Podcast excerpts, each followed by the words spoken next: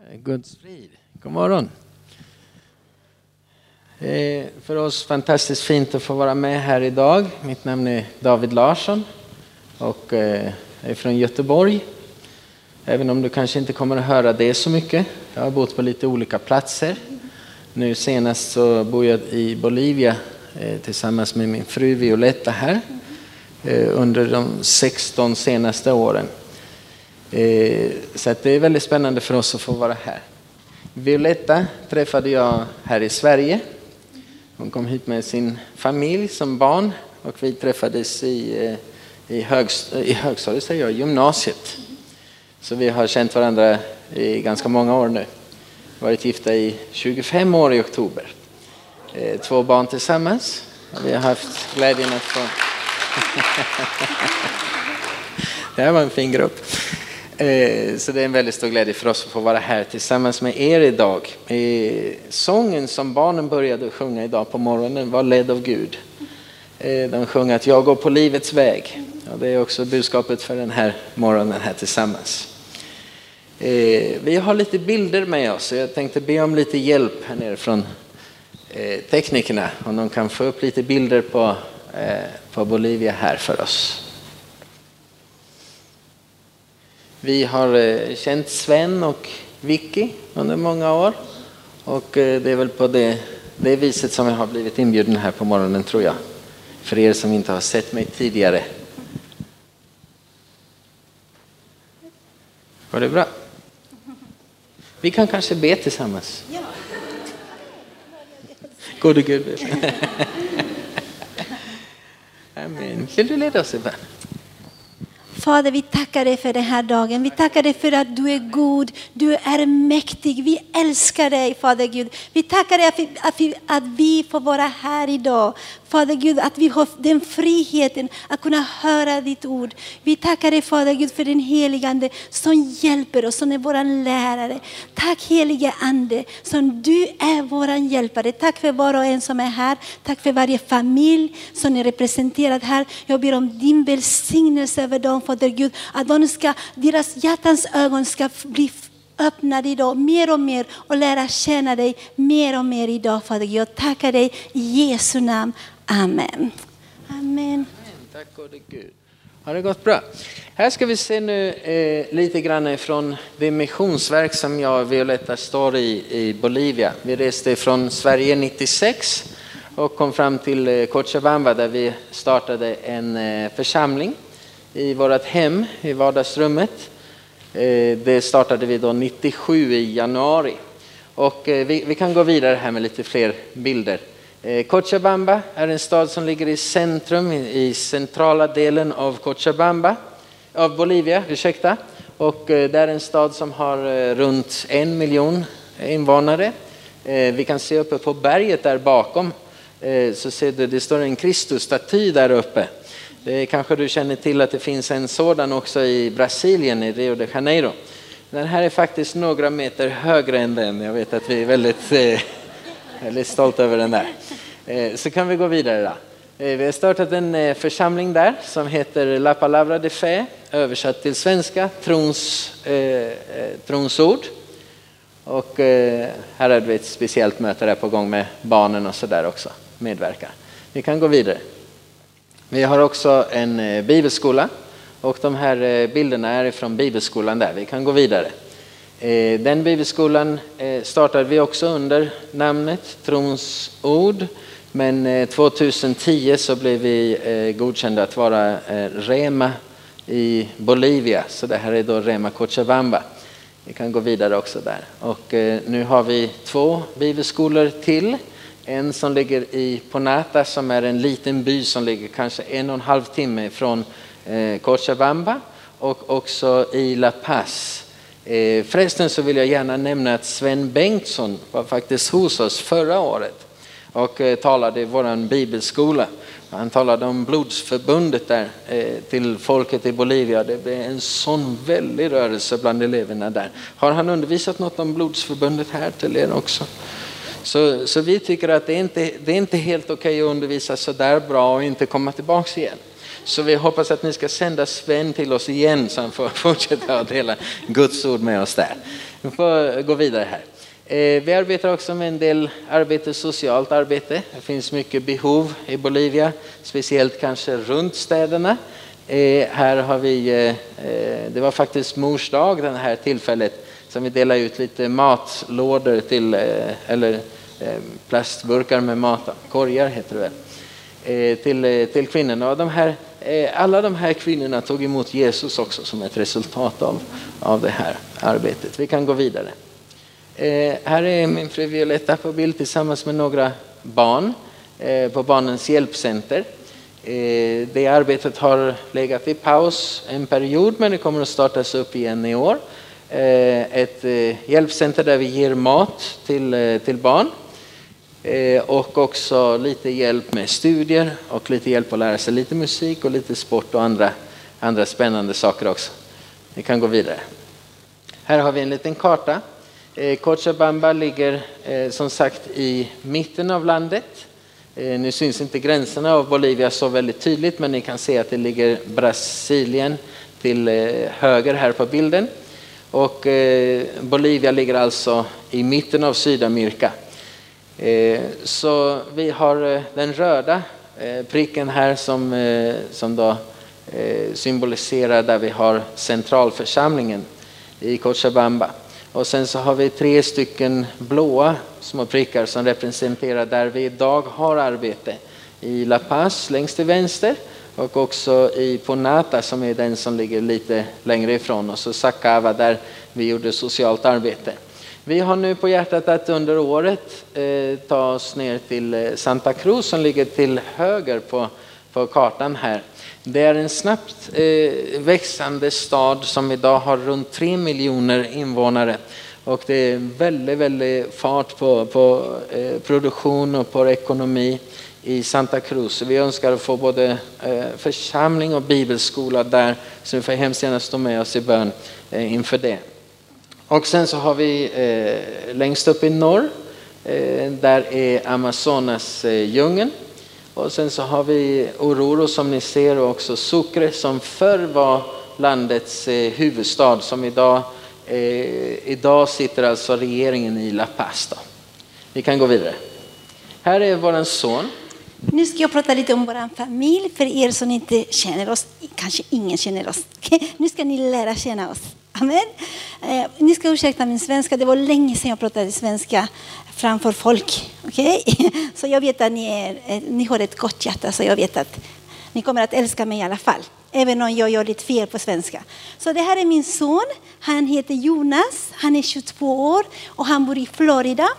Och I den här bilden är han på en missionsresa till Guayana där de pratar engelska Guayana. Och han har varit där och predikat lite där och hjälpt till med missionen där också. Och näst nästa bilden ska ni se min son där, han håller på att predika för fullt. Han, eh, det är bara Gud som gör sådana saker. Vi kan inte tvinga våra barn att göra de här grejerna, även om vi önskar det. Men det är Gud som gör det. Så vi är tacksamma för vår son som håller på och, och känna Gud också. Och vi har också näst nästa bild. Det här är min dotter, hon som är i en, två, tre i mitten. Hon heter Josefin och hon är 20 år.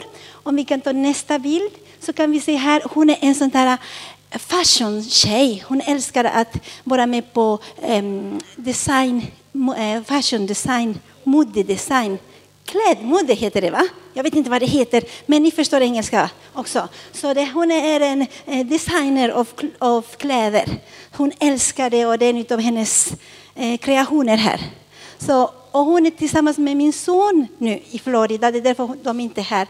Men vi önskar att om det är i Guds plan och i Guds vilja att vi kan vara tillsammans som familj nästa, nästa gång vi är, hälsar här i Sverige. Så vi, vi är så tacksamma till Gud för vi har fått två underbara barn. Och eh, om vi tar nästa bild, så här har vi församlingen som säger hej till er. Så vi har en liten, alltså vi är tillsammans med varandra och, och de ber för oss och det betyder att de ber för er också. Även om inte de känner er. Men med Gud finns inga gränser. Amen. Vi är så tacksamma att få vara här och vi är så tacksamma för att lära känna er. Vi, Gud är så god och han har stora ting för oss. Så om vi bara följer honom så vi vet att vi är säkra, så som barnen sa, vi ska gå på den vägen. Den är underbar. Jag hade ingen aning att jag skulle åka tillbaka till mitt hemland. Jag kom hit som en liten flicka och um, allt var underbart. Jag trodde jag hade kommit till himlen faktiskt. Men det var det inte. Nästan kanske. Men det var så fint. Jag kom på, ja, det var sommaren och det var så fint grönt allting. Jag tänkte jag kommer till himlen men wow det här är underbart. Men Gud hade högre planer och högre eh, vägar för mig. Så han frälste mig. Och han, jag gifte mig med en underbar man. Han, och han blir bara underbarare för varje år. 25 år är bara jättelite. Så jag gifte mig och sen eh, skickade Gud oss till bibelskolan och där eh, fick jag reda på att Gud hade kallat mig till missionen och tillsammans med min man. Egentligen kallade honom så jag fick vara vid hans sida. Och det är underbart. Så jag åkte till, till, vi åkte tillbaka till Bolivia och det var ju så bra för jag pratade ju redan spanska.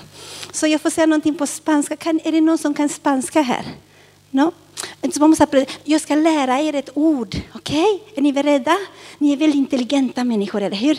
Ja, jag visste det. Så man, man säger Hola, det betyder hej. Och ni har den underbara pastor, pastorsfru också. Hon är ju spansktalande. Vi har känt med Vicky också väldigt lång tid. Så jag ska lära er ett ord som ni kan säga till henne när hon kommer. Okej? Okay? Ja, jag ska säga hola. Hola. Och det betyder hej. Det är jättebra, ni kan det. Hola.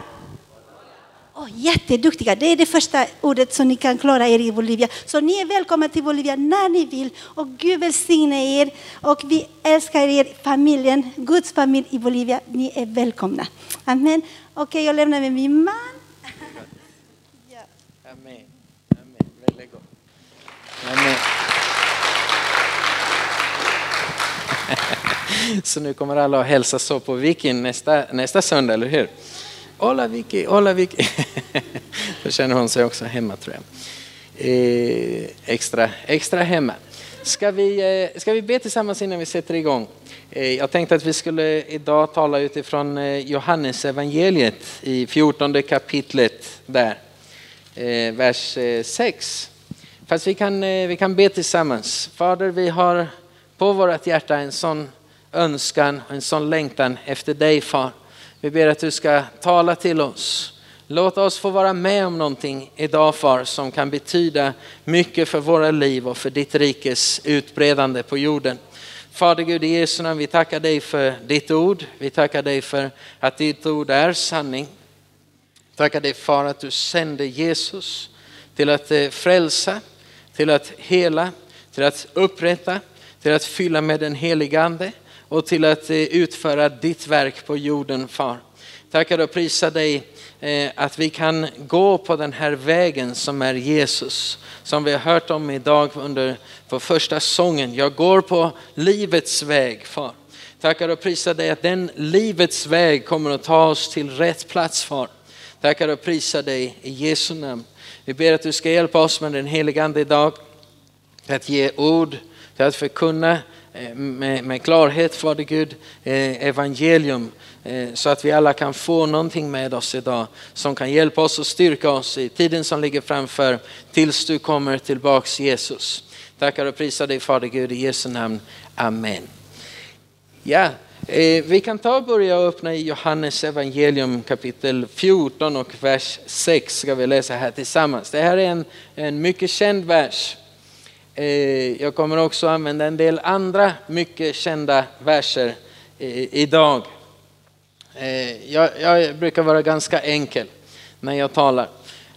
Jag har förstått att Guds kraft är i det enkla budskapet om Jesus. Budskapet om frälsning, budskapet om att Gud är allsmäktig. Han kan göra vad som helst för oss och vi kan lita på honom och vi kan leva med honom, vi kan tro på honom och, och få se hans verk i våra liv eh, när vi lever nära honom på det viset.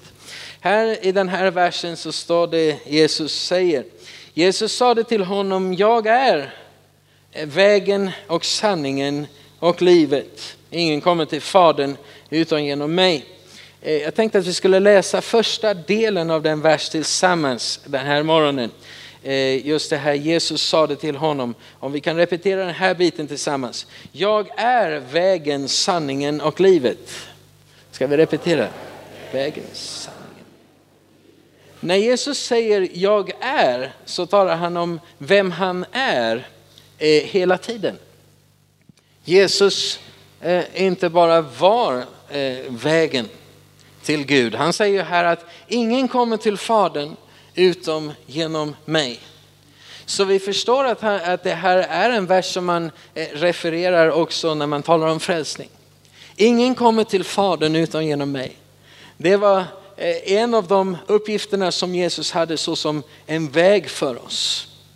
Ingen av oss kunde bli frälst av våra egna krafter, av våra egna gärningar. Naturligtvis så är Gud väldigt positiv till goda gärningar.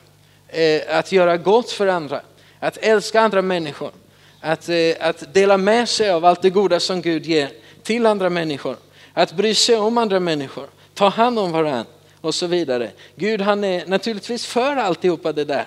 Men ingenting av alla dessa goda gärningar som någon kan göra är tillräckligt för att frälsa en människa. Eh, det finns bara en enda väg som kan hjälpa oss fram till frälsning och hans namn är Jesus. Bara genom Jesus kan vi bli frälsta.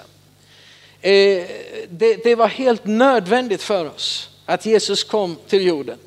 Det var helt nödvändigt för oss att Jesus stod på ett kors. Han var tvungen att ta vår plats. Han var tvungen att ta skulden som eh, våra eh, felaktiga beslut och felaktiga gärningar hade, hade bringat på oss själva. Jesus var tvungen att rädda oss ifrån våra synder och ta vår plats i döden så vi kunde få hans plats i liv och hälsa och, och, och, och goda ting från Gud. Eh, så Jesus, det var helt nödvändigt för oss att eh, ha Jesus så som en frälsare. Men eh, jag tror att det här som Jesus säger om sig själv, han säger ju jag är, inte jag var bara. Eh, ibland så har vi kanske förstått versen här så som bara en frälsningsvers. Ingen kommer till Fadern utan genom mig. Han sa jag är vägen, sanningen och livet. Och ibland så har vi sett det som att bara just i frälsningsbehovet så behöver vi använda Jesus som våran väg. Men om vi tittar på de andra bitarna där, det står ju också jag är livet, eller hur? Och, och hur många av er tror att Jesus han är livet idag också? Och han kommer att vara livet imorgon. Och livet om ett år härifrån så är Jesus livet. Det står i första Johannes brev kapitel 5. Där står det att det här livet var och är i hans son Jesus. Och sen står det, den som har sonen, han har livet. Och, och den som inte har sonen, han har inte livet. Eller hur? Så, så det är så här när vi tar emot Jesus så tar vi emot livet och livet är i oss. För Jesus är i oss och han är livet. Eh, för att referera till den här eh, utmärkta illustrationen som vi hade tidigare. Om vi stoppar pengar i församlingen så finns det pengar i församlingen. Om vi inte stoppar pengar i församlingen finns det inte pengar i församlingen. Man kanske kunde också, eh, också använda samma illustration. Om man stoppar Jesus i hjärtat, och om man tar emot Jesus i hjärtat så finns det liv i hjärtat. Amen. Men om man inte tar emot Jesus i hjärtat så finns det inte liv i hjärtat. Jesus han, han, han har gett oss liv. Men också idag så kan vi finna det här livet i Jesus som någonting väldigt aktuellt också idag. Eh, vi kan leva ett liv när vi är helt uppfyllda av vem Jesus är. Och, och då kommer vårt liv att kunna vara på ett helt annat plan. Vi kommer kunna leva ett högre liv. Jesus han sa det också i, i Johannes 10.10, 10, tjuven har kommit för att stjäla, slakta och förgöra. Jag har kommit för att ni ska ha eh, liv och liv övernog. Nu, nu kanske jag refererar till 1917 för att det är ganska länge sedan jag var hemma här och, och folkbibeln är lite nyare än det. Då. Men, eh, men han talar om överflödande liv. När, när vi ser det ordet som han använder är på, på grekiskan ordet soe som betyder Guds kvalitet på liv. Eller hur? Och det är ju väldigt aktuellt för oss också idag, även om vi har tagit emot Jesus kanske för många år sedan. Om vi ska leva på den kvaliteten av liv som Gud har för oss, som är en högre kvalitet av liv, så behöver vi Jesus i hjärtat. Amen. Och, och vi ser att det är väldigt aktuellt, även när det gäller kallelse. Gud har kallat oss till ett liv som är ett överflödande liv. Ett liv som i oss själva är helt omöjligt att uppnå. Den kvaliteten på liv, den får man bara tillsammans med Gud. Vi kunde inte frälsa oss själva, vi var tvungna att ha en frälsare. Vi är också tvungna att ha Jesus för att kunna, kunna leva det här livet på den kvaliteten som Gud har för oss. Ett liv som är ett övernaturligt liv, övernaturlig kraft. Be för de sjuka och de ska bli friska. Hur i all världen skulle vi göra det själva? Det är helt omöjligt. Men Jesus är vårt liv och han bor i oss. Större är den som är i oss än den som är i världen. Genom den helige ande har vi det här livet ifrån Jesus i oss. Och det är ett liv av högre kvalitet, av högre nivå än, än det här livet som vi kan uppnå genom våra egna krafter och vår egna förmåga. Jag kommer ihåg när vi startade församlingen i Bolivia under, eh, under de första dagarna där i, under Eh, 1997. Vi startade i, eh, i vårt vardagsrum och det kom några eh, människor som blev frälsta. Vi, först och främst så såg vi vår taxichaufför frälst en dag. Vi tyckte han var så trevlig så vi bad om hans telefonnummer och han började att köra oss från ena platsen till andra platsen så här när vi kom ner till Bolivia först. Då. Och eh, han, han var runt oss eh, lite för mycket kan man säga. Så att han blev väldigt intresserad av vad vi var för några och vad vi gjorde där och vad vi hade på hjärtat och så vidare. Så det fanns väldigt många naturliga eh, anledningar att dela med honom evangelium. En dag så tog han emot Jesus. Då blev han döpt i vatten, döpt i den helige ande skakad under Guds kraft. Och han bjöd in sina vänner och där startade vi då församlingen med den här gruppen. Han ringde oss en dag och så sa han, eh, det, det, har hänt någonting väldigt, väldigt besvärligt i min familj. Min eh, eh, tio farbror, farbror eller morbror, jag är inte helt säker, eh, ligger på sjukhus och är väldigt svårt sjuk.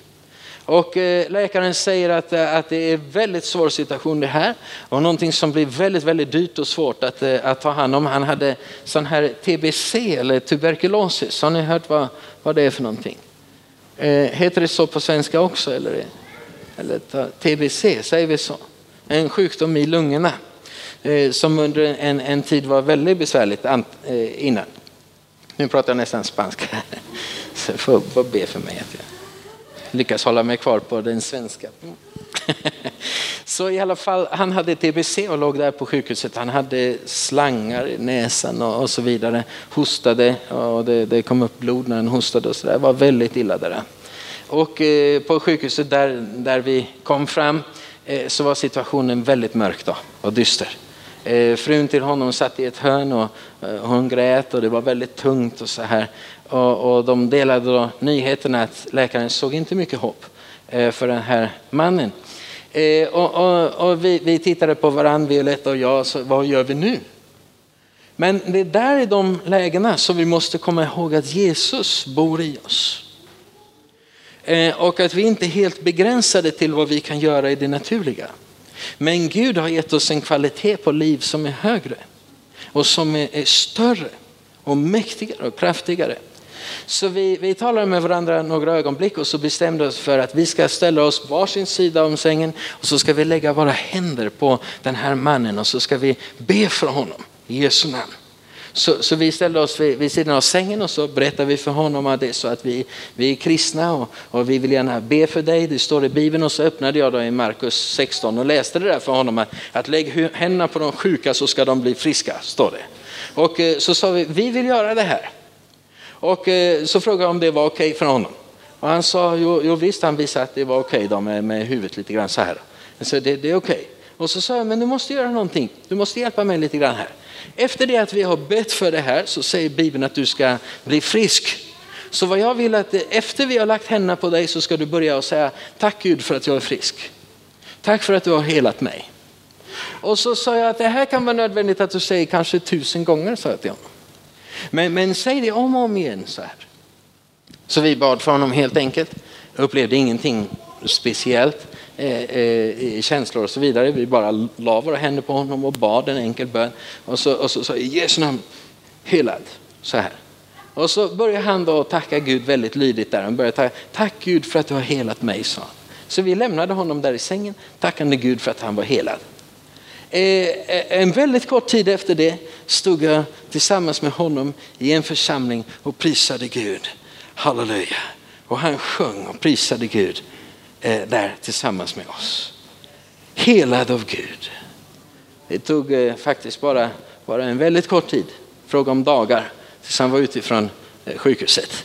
Eh, fyra år senare så tog jag en taxi på gatan och så hoppade jag in i taxin och då var det han som körde. Och han berättade att efter att vi la händerna på honom så hade han inte hostat en enda gång mer. Och han hade inte haft något problem med blod komma ut från, från lungorna eller sådär, någonting mer. Helad av Gud. Amen. Fantastiskt. Någonting som är helt omöjligt för en människa att uppnå, att göra i sig själv. Men vi har en högre kvalitet av liv, för vi har tagit emot Jesus. Bibeln säger det, den som har Jesus, han har livet. Amen. Den som inte har Jesus, han har inte livet. Så Jesus han är livet för oss också idag. Eh, och Jesus han är sanningen också idag. Amen. Sanningen gör oss fria. När, när, det Jesus har talat till oss är sanningen för oss och det hjälper oss i hela livet. Inte bara när man ska ta emot Jesus som sin frälsare men också längre utöver det. Amen. Han, han är sanningen för oss. Och vi är fria bara för Jesus har gjort oss fria. Han blir verkligen fri. Amen. Så det som vi, vi kan förstå här är att också om det är nu så att livet Eh, är mm, för mer än just för att bli frälst. Då. Det är för att leva tillsammans med Gud. Och vi ser att sanningen den hjälper oss varje dag även nu. Och, och kommer att göra så även längre fram. Så förstår vi det att också det här att Jesus är vägen, det är någonting som är väldigt aktuellt för varje kristen också. Inte bara för att bli frälst, i frälsningsögonblicket så är Jesus vägen och det är väldigt viktigt. Men också när det gäller att leva vårt liv. När det gäller att göra vad Gud har kallat oss till att göra. Så är Jesus vägen. Sanningen är övernaturlig. Livet är övernaturligt. Och också vägen, Jesus som vägen, är någonting helt övernaturligt. I psalm 1 så står det talat om, om, om vägen eh, en del. I psalm nummer 1. Här, här i Saltaren så läser vi i första boken psalm 1. Här står det om det rättfärdigas lycka. Så står det här att saliga den som inte följer de ogudaktigas råd eh, och inte går på syndares väg. Eller sitter bland bespottare. Här står det att salig eller lycklig då. Lycklig är den, alla söker efter lycka, eller hur? Det var, det var spanska där. Vi, vi letar alltid efter att vara lyckliga, eller hur? Ha ett liv av glädje. Lycklig är den som inte följer de ogudaktigas råd. Eh, att vara ogudaktig betyder att Gud inte är i. Eller hur? Gud är inte i det där. Så om man följer råd där Gud inte har plats i det där, då är det ett ogudaktigt råd. Och det säger att vi är saliga om vi inte följer det rådet. Utan mycket mer vi följer det rådet är Gud i. Amen. Och det står den som inte vandrar på syndens väg utan den som vandrar på, då, då blir det den som vandrar på en annan väg, den Gud, den Gud har för oss. Och det står den sista versen i den här samma psalm, står det, ty Herren känner det rättfärdigas väg. Men det ogudaktigas väg leder till fördärvet. Eh, i 1917 så står det att Den ogudaktigas väg förgås. Den leder till fördärvet. En väg finns för att ta oss från en plats till en annan plats. Och om det är så att vi når fram till en plats så är det för att vi har valt en väg som leder till den platsen. Gud han har ett liv för dig och för mig som är ett övernaturligt liv. En kvalitet på liv som är mycket större än vad som är bara helt naturligt. Men om vi ska kunna komma till det som Gud vill för oss med våra liv så behöver vi gå på den väg som leder oss dit. Och det vi talar om idag är att eh, jag går på livets väg som barnen sjöng här i början. Jag går på livets väg, den väg som tar mig till det livet som Gud har för mig. Det som Gud har planerat för mig. Amen. Det är väldigt aktuellt. Det här med att vara ledd av Gud är någonting oerhört viktigt för oss som troende. För vi har tagit emot Jesus och Jesus är, inte bara var, Jesus är vägen. Vägen, sanningen och livet. Och han bor i oss. Herren känner den rättfärdigas väg. Ganska ofta så är det så med oss att vi inte känner till Herrens väg. Att vi inte känner till vad Gud vill att vi ska göra. Jag kommer ihåg hur det var i mitt eget liv. Eh, jag växte upp i en familj, vi var nästan aldrig i kyrkan. Jag kommer ihåg att vi var i kyrkan en gång varje år och det var runt jul. Och jag förstod inte mycket av det där annat än att det var just jul då. Så eh, jag förstod inte vad de pratade om så mycket och så där i kyrkan men jag förstod att nu är det jul igen. Eller hur? Så var vi då i kyrkan en gång till. Då. Så att, eh, det, det, var så jag växte upp på det sättet. Men min far eh, eh, har en, en, bror då. Eh, och han var missionär. Han var missionär i Afrika. Och, och jag, det var därför jag inte kände mina kusiner, för de växte upp i Afrika. Men eh, de var hemma och hälsade på i Sverige. Och när de var hemma och hälsade på i Sverige så kom de förbi då. Och då fick jag chans att leka med mina kusiner. Jag var väl en sex år eller något sånt där, den storleksordningen. Eh, så jag kommer ihåg att jag, jag, fick leka med mina kusiner och lära känna dem lite grann. Min kusin, den äldsta av dem, eh, heter Maria, bor i Stockholm idag. Eh, och, och jag kommer ihåg att jag frågade Maria, men vad, vad, gör ni i Afrika egentligen? Jag vet inte om hon kände sig hemma för jag hängde på en klätterställning så här. Så, så att, eh, jag vet, hon kanske kände sig extra hemma där.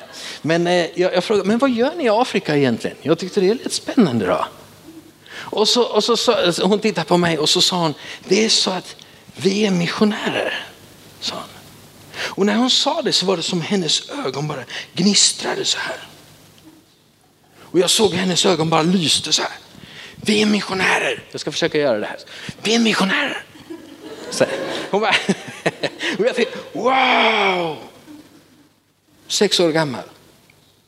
Efter det så blev jag oerhört intresserad av andra länder och andra kulturer. Och jag ville alltid kunna bli vän med folk från andra platser. Och jag tyckte det var så spännande. Eh, och jag började säga det att när jag, blir, när jag blir äldre så ska jag bli missionär också. Du vet hur det är i skolan att de frågar så här, jaha vad ska ni göra när ni blir stora? Säger läraren, eller hur? Och så, och så säger flickorna naturligtvis, jag ska bli lärare säger de. För att eh, få lite extra kontakt med läraren där. Då.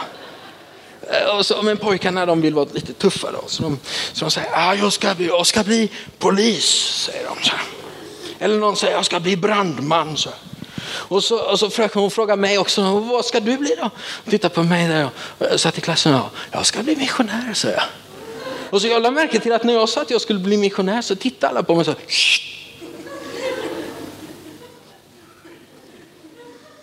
Och jag, men jag förstod inte det där. Så jag fortsatte att säga det under åren som gick då. Det var som att det var någonting här inuti som bara, det var som en gitarrsträng så här, så alltså, här in i mitt hjärta så här.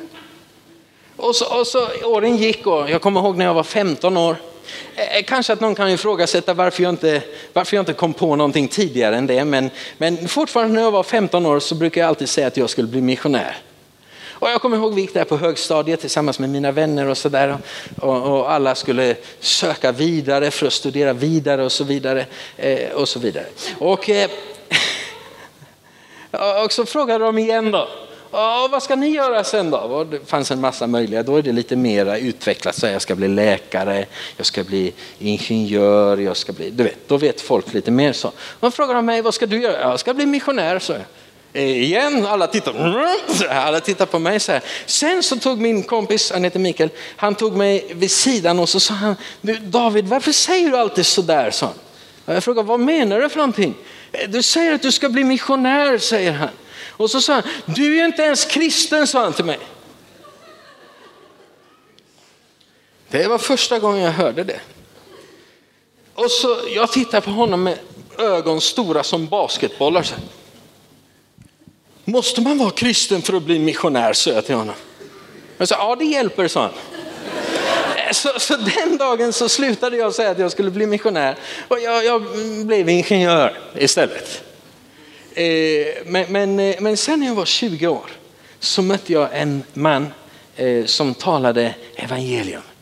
Och han, han la ut för mig första gången vad det betyder att inte lita på sig själv utan att lita på Jesus för att kunna bli räddad och bli frälst.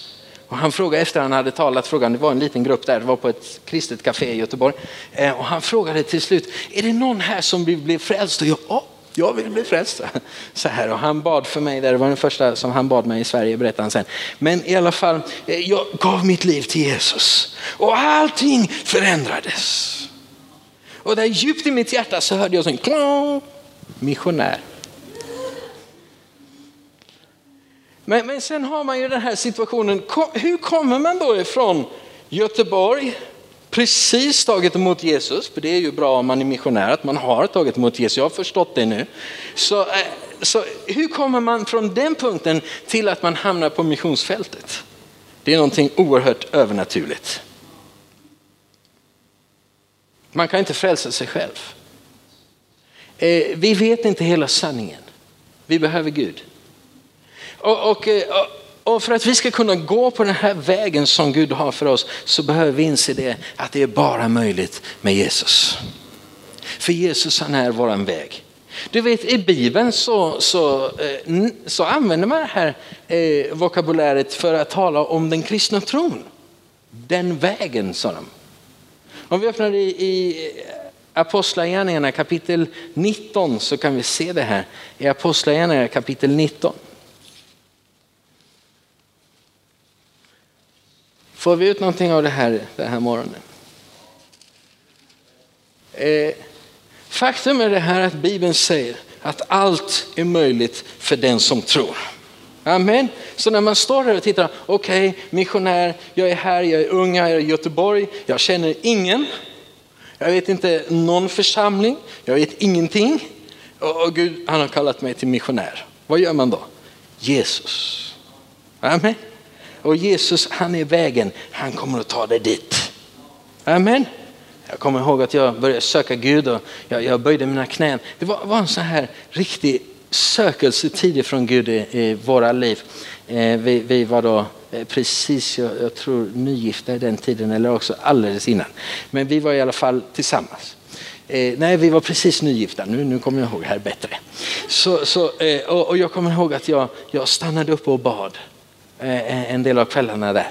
Och en gång när jag bad så var jag med om en helt övernaturlig erfarenhet. Jag upplevde hur, hur jag rycktes ut ifrån min kropp och hur jag lyftes upp. Och, och jag, såg, jag såg mig själv eh, på golvet och sen så såg jag huset ovanifrån. Och sen så befann jag mig i himlarymderna. Jag, jag skrämmer ingen va?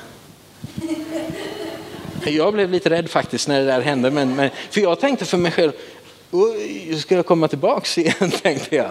Det var helt nytt det här. Jag, var, jag såg jorden uppifrån rymden.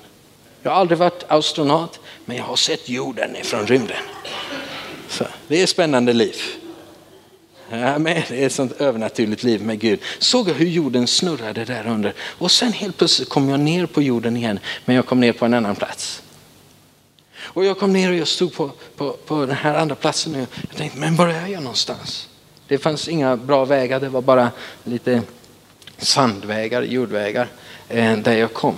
Och, eh, och jag, jag, gick fram på vägen där och helt plötsligt såg jag en man där som var, eh, som var eh, sjuk, skröplig. Och jag kommer ihåg att i drömmen så jag visste precis vad jag skulle göra i drömmen. Så här, härlig dröm alltså.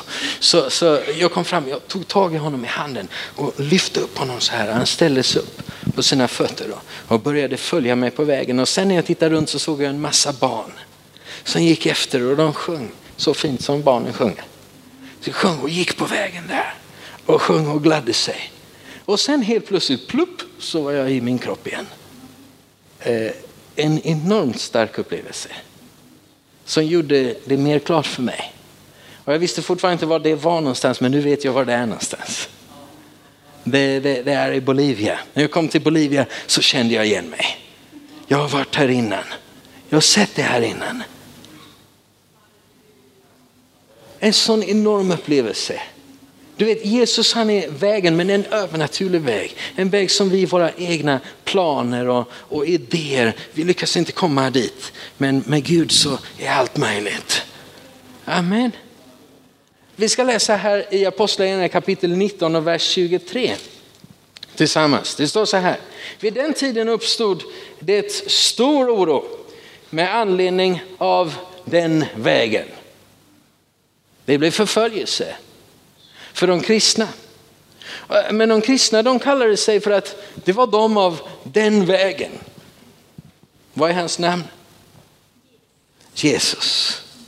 Så vi ser här att de använder inte bara det här att Jesus är vägen, använder de inte bara som en frälsningsbön som naturligtvis är väldigt viktigt i frälsningsögonblicket att Jesus är den enda vägen. Men Jesus han är idag också den enda vägen för oss. Om vi vill komma vidare med Gud, om vi vill kunna gå på Guds väg i vårt liv och komma fram till det som Gud har tänkt sig för våra liv.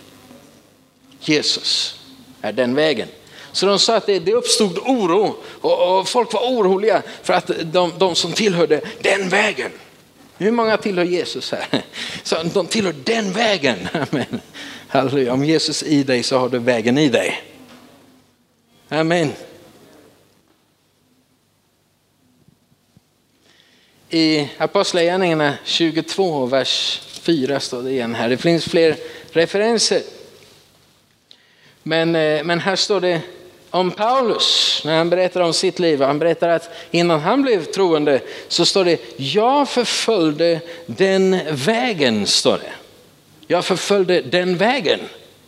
Ända till döds och grep både män och kvinnor och satte dem i fängelse. Så när han talar om att han var på jakt efter de som tror på Jesus så, så, så använder han det namnet för den gruppen av människor. Det var de som var av den vägen. Vad då för väg? Jesus, en övernaturlig väg som leder till ett övernaturligt liv med en övernaturlig sanning. Amen. Är vi här? Amen. Tack gode Gud. Fantastiskt. Eh, när, när, vi talar om att han är den vägen eh, så behöver vi, för att kunna gå på den vägen så behöver vi börja tänka annorlunda. Fram till den punkten så hade jag tänkt, först så sa jag ju bara det, jag ska bli missionär, så förstod inte vad det var. Men sen så sa jag, ja, okej okay, jag ska bli ingenjör. Och då kom jag in på den vägen som jag hade själv hittat på. Okej, okay, eftersom jag inte kan bli missionär för jag är inte kristen, jag visste ingenting om det. Så okej, okay, då får jag väl bli ingenjör då. Så blev jag elektronikingenjör. Och så, och så började jag jobba på Ericsson. Och alltihopa det var min väg. Eh, och jag var så tråkad alltså.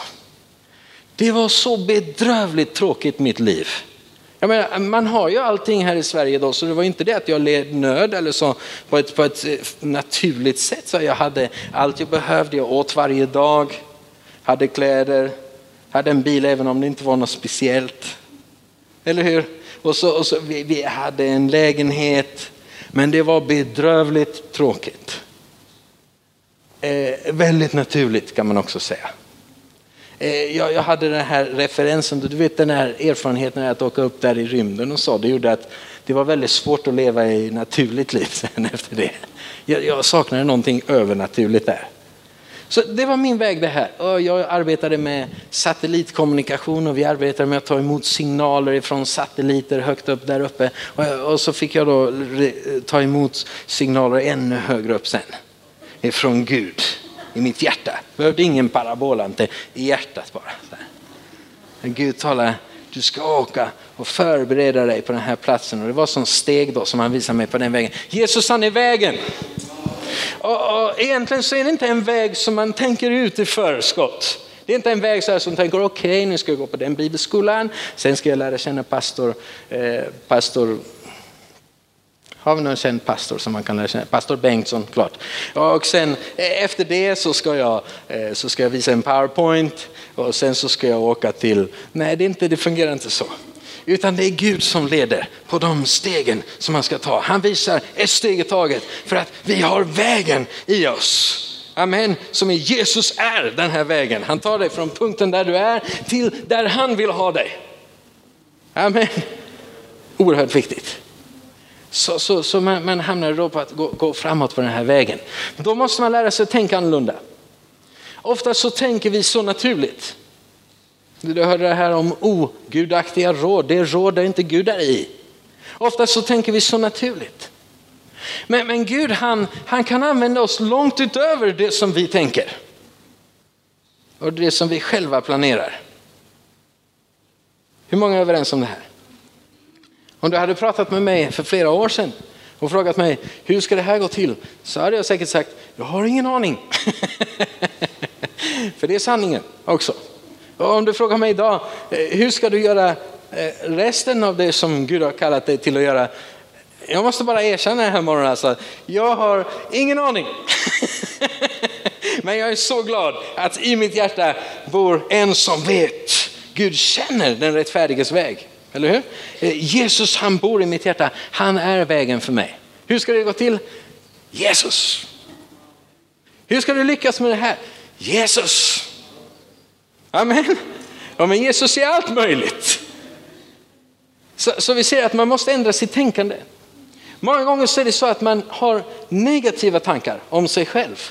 Och det är någonting som man måste behandla så här under livet. Jag kommer ihåg det för mig till exempel när jag gick på skolan alla gånger jag har gått på skolan så har jag haft eh, ganska enkelt för ämnen som har med teknik och, och, sånt som är logiskt. Jag har troligtvis en tyngre hjärna den här sidan än andra sidan. Då. Eh, det var alltid enkelt för mig med matematik. Jag tyckte det var väldigt bra för det blev alltid samma svar och sådär. Eh, så jag tyckte att man kunde alltid kolla om man hade gjort rätt, räkna baklänges och sådana grejer. Det tyckte jag var väldigt enkelt. Inte alla tycker att det är enkelt men Eh, Eh, men jag tyckte det var väldigt enkelt. Men sen det här med språk, det hade jag så svårt. Jag kunde inte ens prata eller skriva svenska. Jag kommer ihåg när jag skulle skriva uppsats, jag fick den tillbaka helt röd så här. Från början till slut, där kom det ut lite göteborgska tror jag. Men i alla fall, från början till slut, den var helt röd. Så här. Jag tyckte synd om min lärare. Arbeta, kan, kan rätta 20 uppsatser lika lång tid som det tar att rätta min uppsats. Ja, det var, var, så mycket fel i texten, jag kunde inte skriva. Sen efter det så har jag förstått att jag hade sån här dyslexia. Jag kan inte läsa så bra då. Så, men jag visste inte vad det var på den tiden och det var ingen annan som visste vad det var heller. Det var bara det att jag, jag behövde rättstavning. Eh, det var väldigt jobbigt. Jag fick gå på specialkurser på rättstavning. Så här. Jag tyckte det var jättehemskt. Men jag kunde inte språk. Och så var man tvungen att läsa andra språk, jag var tvungen att läsa engelska i skolan. Helt bedrövligt. Och ibland så frågar de mig, kan du läsa högt i klassen? Jag, försökte, jag kunde inte läsa på svenska. Så var jag tvungen att läsa tyska. Jag läste tyska i fem år. Utan att lära mig mycket. Bitte. Det är tyska tror jag. Väldigt svårt för språk. Men sen om man tittar på mitt liv, det som jag använder mer än någonting annat, det är språk. Nu predikar jag på spanska. Efter vi kom till Bolivia tog det sex månader, sen predikade jag min första predikan på spanska. Jag vet att det inte var bra. Det var inte bra. Eh, jag hade skrivit min predikan, eh, jag hade skrivit den och jag läste väl mycket innan till då eh, på den första predikan på spanska, men jag predikade på spanska. Men sen efter ett tag så börjar det bara lossna på något sätt. Jag brukar säga att jag är flytande men inte korrekt. Så jag började tala på spanska. Jag kommer ihåg en, ett möte som jag, jag talade på spanska och så bara började flyta så här. Speciellt när smörjelsen är stark, då blir det väldigt bra spanska har jag märkt. Så, så jag började tala spanska så här. Violetta bara titta på mig så här. Jag visste inte du kunde spanska, så. det visste inte jag heller. Så men, men i alla fall, du vet, när Gud leder dig på din väg så är det inte en naturlig väg. Det är inte efter naturliga tankar. Det är efter övernaturliga tankar. Det är efter vad Gud kan göra i dig och vad Gud kan göra i mig. Det är så det fungerar. Så, så han lyfte upp den biten som jag inte kunde då. Jag var tvungen att lära mig annat språk och sådär. Eh, spännande. Vi kan se det här i Bibeln. Du vet hur Gud, han valde, han valde eh, eh, Paulus. En man som var oerhört tränad i Guds lag. Han brukade sitta under Gamaliels fötter. Har du läst om honom? Gamaliel? Eh, det var han som var en av de mest välkända lärarna i den judiska tron. En ledare bland ledare, fariser av fariser. Och Paulus han hade äran att sitta sig och lära sig vid Gamaliels fötter. Paulus han kunde lagen, framlänges, baklänges. Och Gud kallar honom till att bli aposteln till hedningarna som inte alls känner till lagen.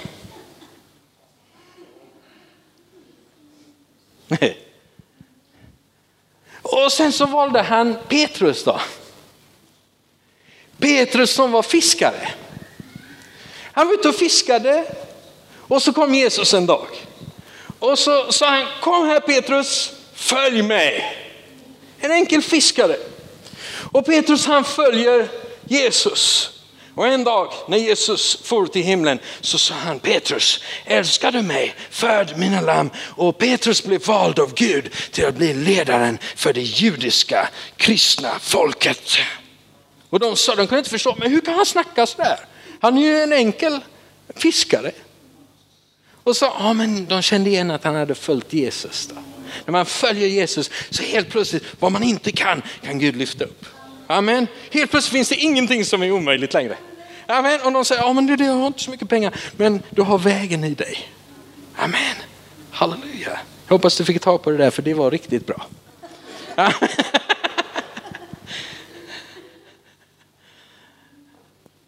Jesus är vägen.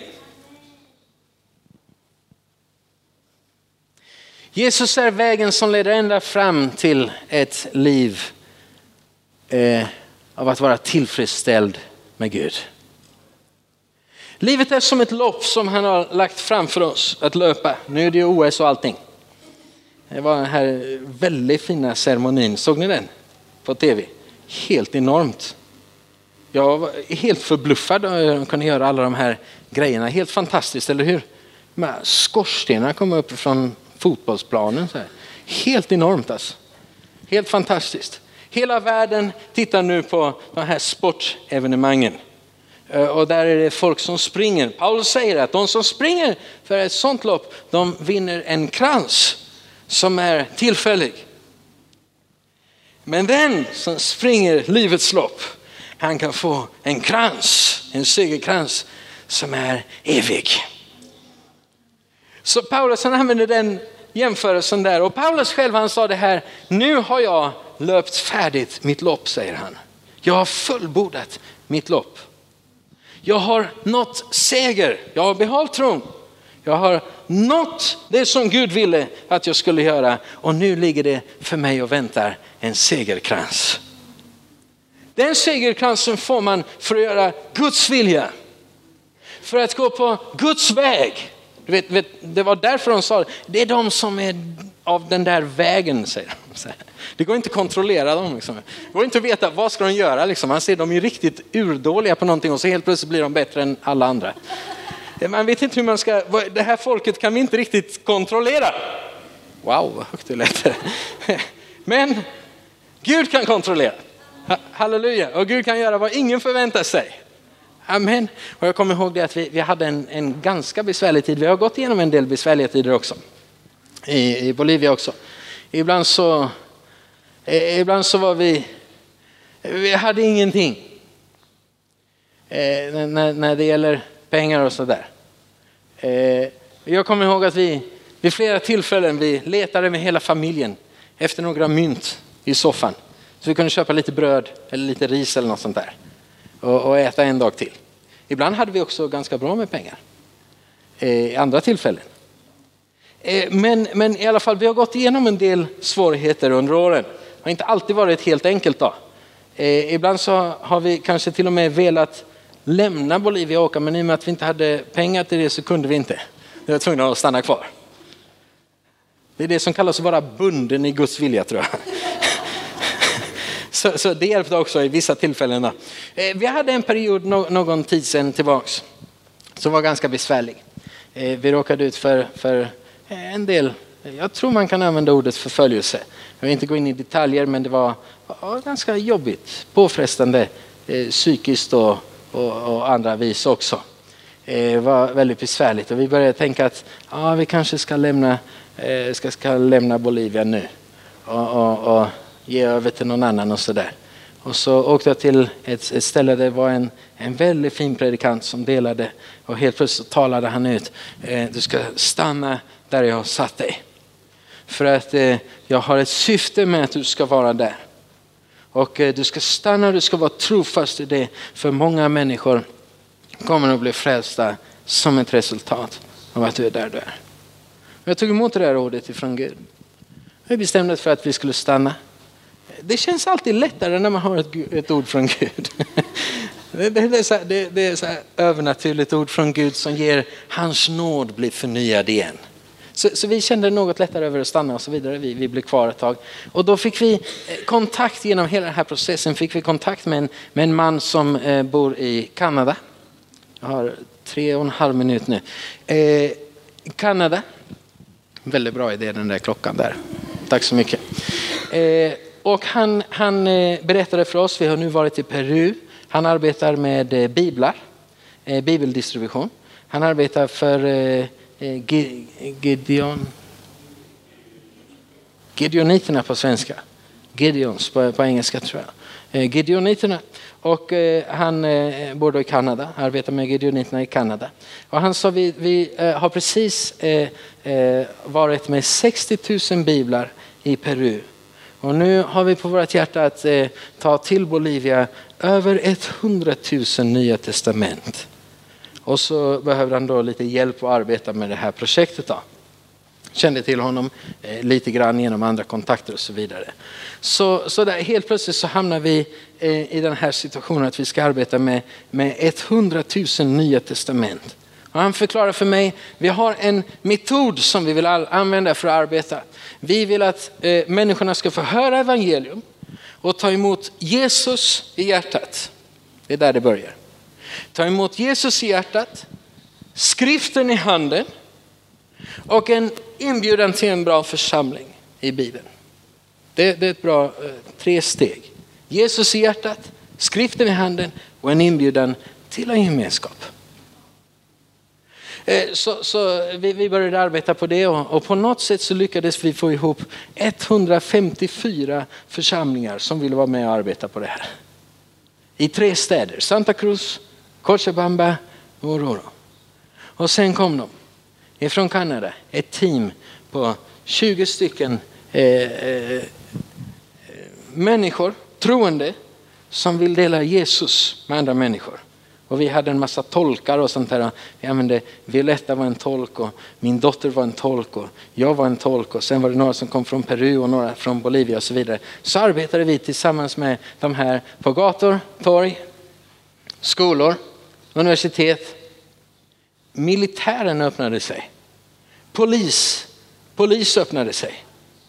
Eh, och eh, regeringshuset Eh, i de här städerna, då, borgmästare, den nivån, öppnade sig.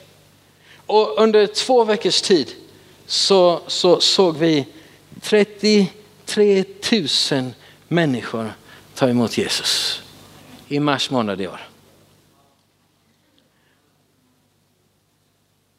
Det är många nollor. Stora siffror. Ibland, ibland är det svårt med nummer.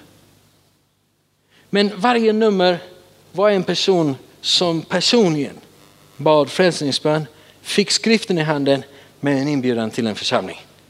33 000 stycken. Vi var så berörda av Gud. Min dotter, under de här två veckorna så, så bad hon troligtvis med ett tusen människor till att ta emot Jesus. Tusen människor på två veckor. Hon var helt omskakad, min, min dotter. Aldrig sett något sånt. Aldrig sett något sånt. Så hon bara grät till slut. Hon bara, bara grät. Så här. Det var något tillfälle som, som hon gick på marknaden och så såg hon någon man vi skulle gå därifrån. Så sa nej, nej, vi kan inte gå. Han är nog inte frälst än. Så här. Hon blev helt gripen. Så här. Förstår ni vad jag pratar om?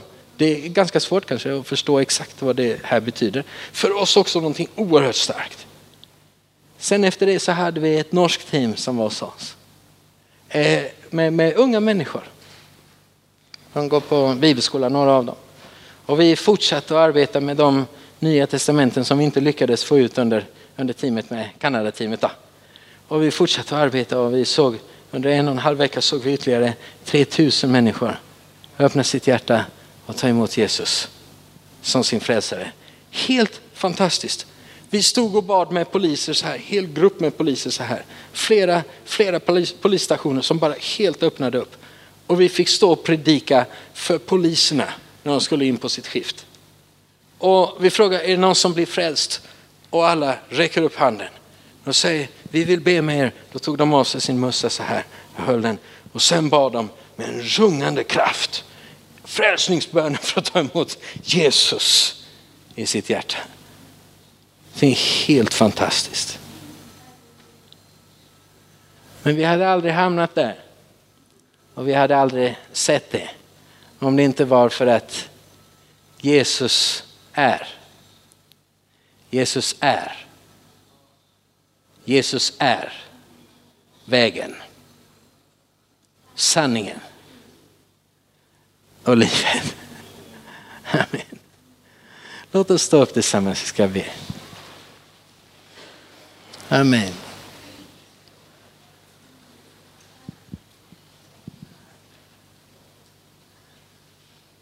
Halleluja. Fader Gud, vi vill stilla oss i din närhet idag på morgonen. Och vi vill begrunda Fader Gud med samma tyngd som vi har använt vägen för att komma fram till frälsning så vill vi också gå på den här vägen, livets väg. För att komma fram till allt det som du har kallat oss till att göra. Allt det som du har planerat att vi ska göra. Du säger Fader i ditt ord att dina vägar är så mycket högre våra vägar och dina tankar är så mycket högre våra tankar som himlen är över jorden far. Vi vill byta våra tankar mot dina tankar och vi vill byta våra vägar mot din väg som är Jesus. Fader, vi tackar och prisar dig för möjligheten att få samtala om dessa ting den här morgonen och vi ber att det här ska bli en levande erfarenhet för var och en av oss Fader Gud. Att vi ska använda resten av vårt liv att söka, vandra trofast på den här vägen som bor i oss. Jesu Kristi väg för våra liv far. Halleluja. Tackar dig för var och en som är här den här morgonen. Tackar dig för eh, livet som du har gett. Tackar dig Fader Gud för ditt beskydd.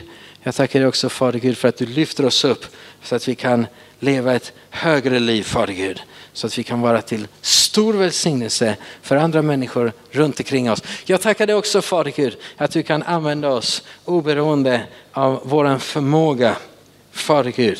Oberoende av vår kraft, av vår styrka, av vår kunskap. Fader Gud, du kan göra långt mer än vad vi förmår i oss själva. Med dig är allt möjligt, Far. Halleluja. Vi tackar dig i Jesu Kristi namn. Amen. Halleluja. Tack och Gud. Amen. Varsågod och sitt.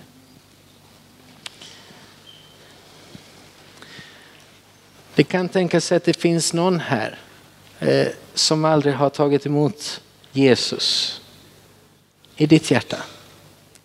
Om det är så att du är här idag och du har aldrig blivit frälst så vill vi hemskt gärna be med dig den här morgonen. Och vi kommer att stanna här efter mötet en stund här framme.